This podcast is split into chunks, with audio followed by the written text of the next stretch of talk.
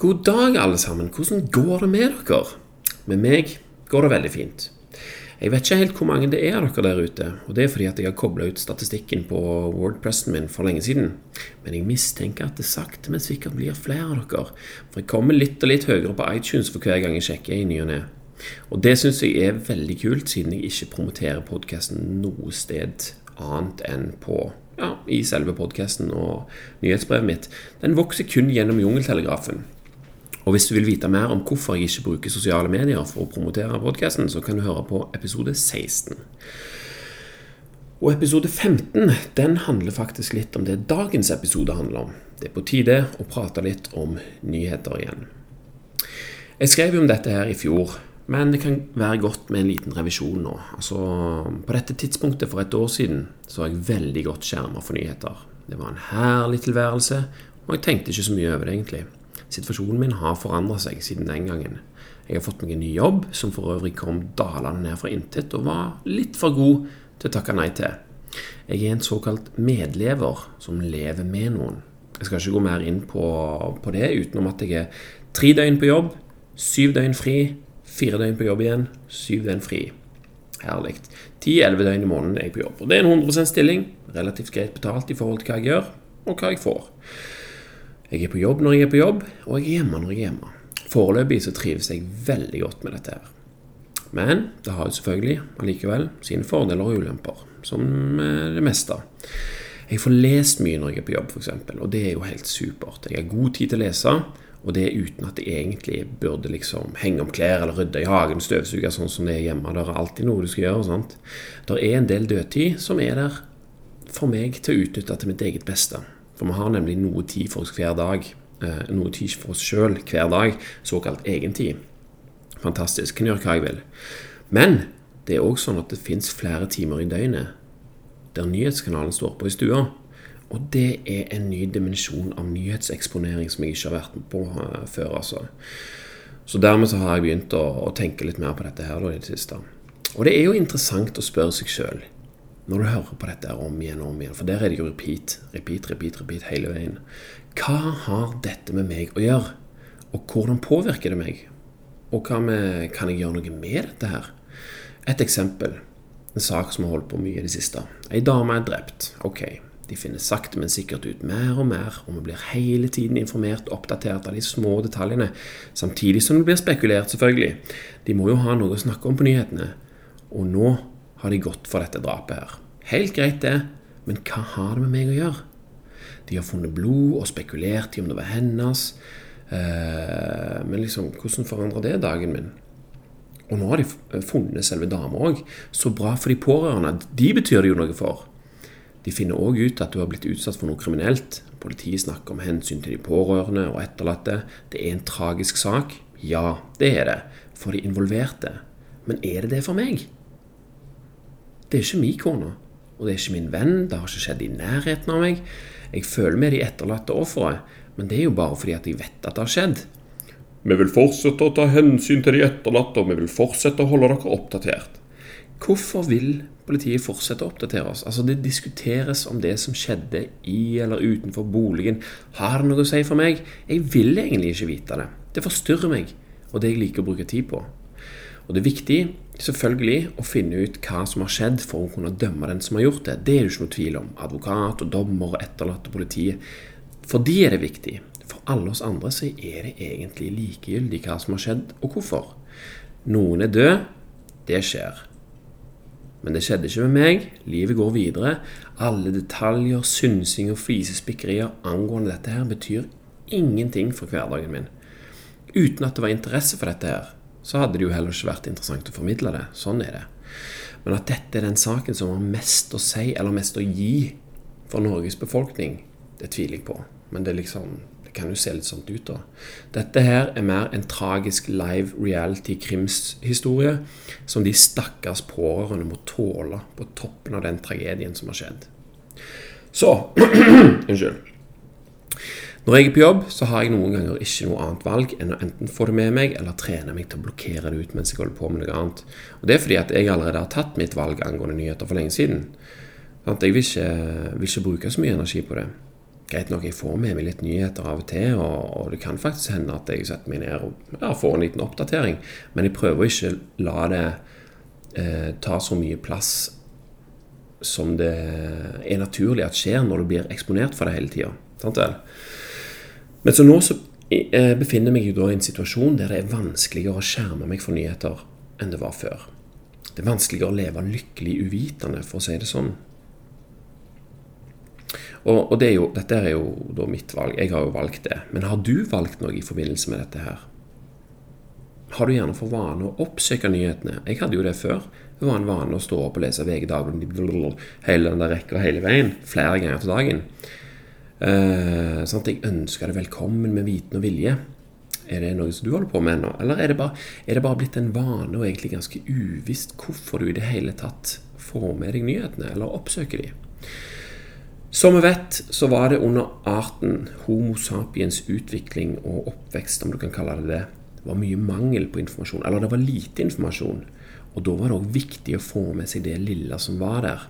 Det hadde noe å si for videre overlevelse. sant? Eller du kunne på den måten få tak i mer mat, eller eh, kunne beskytte flokken din bedre, eller hva som helst. Men nå befinner vi oss i en tilstand av såkalt evolutionary mismatch. Sant? En som var en egenskap som var en fordel fra oss før, er nå blitt en ulempe. Det er altfor mye informasjon, men vi oppfatter likevel alt som like viktig. Om det har noe med å gjøre, eh, om det har med oss å gjøre eller ei. Akkurat det er det nyttig å ha i bakhodet når du skal skille mellom hva som har noe å si, og hva som ikke har noe å si. Sant? Nå må vi jo trenes opp til å velge dette her. Og jeg tør å påstå at de aller fleste som har fått med seg noe som helst om den nevnte saken med det drapet, egentlig for sin egen del er bedre stilt uten å noensinne ha visst om det som har skjedd. Tenk over det. Hvordan hadde dagen din vært annerledes om du aldri hadde hørt om det du hørte, så eller leste i nyhetene i dag?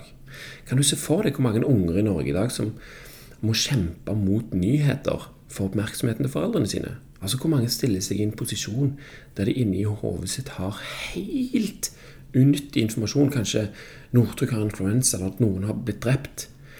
Eh, det er liksom tanker som er inni hodet. Og så kommer ungen deres og står og vil fortelle deg noe som skjedde i dag.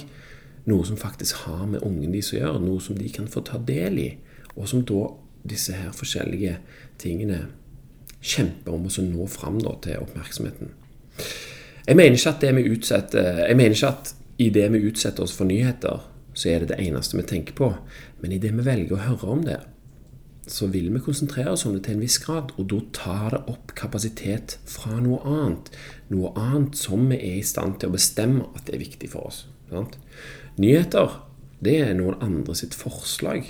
Noen har tatt en avgjørelse om at dette er viktig, og de presenterer det for deg.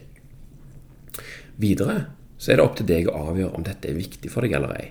Eksisterer det mange forslag fra andre om hva som kan være viktig for deg, så er det dårligere plass til å finne ut hva du vil skal være viktig for deg. Ut ifra dine egne tanker. For hva vil du egentlig vite? Jeg vil vite ting som jeg og mine nærmeste kan uh, ha godt av. I, ja, i størst mulig grad, egentlig. Kort og godt. Fortell meg om en eneste nyhetssak som kan gjøre det for meg. Nyhetene tar opp kapasitet som kunne blitt brukt til noe annet, og alle inntrykk vi får i løpet av en dag, de former oss og påvirker hva slags valg vi tar, og dermed hva vi vil gjøre. Ikke at det direkte fører til at vi gjør noe annet, men det påvirker i større eller mindre grad kapasitet vi trenger for å kunne ta de valgene som er til vårt eget beste. Det er kanskje litt uh, komplisert, men uh, jeg håper du forstår hva jeg mener. Og er det en samfunnsplikt å holde seg oppdatert på hva som skjer i nyhetsverdenen? Det mener noen. Og det er det ikke, spør du meg. Altså, noen må jo ta ansvar for å la være å følge med. Sånn at det i alle fall er noen som handler uten at de er påvirka av konformitet og konsensus hele tiden. Sant? Altså De viktigste sakene de får jeg jo høre om uansett.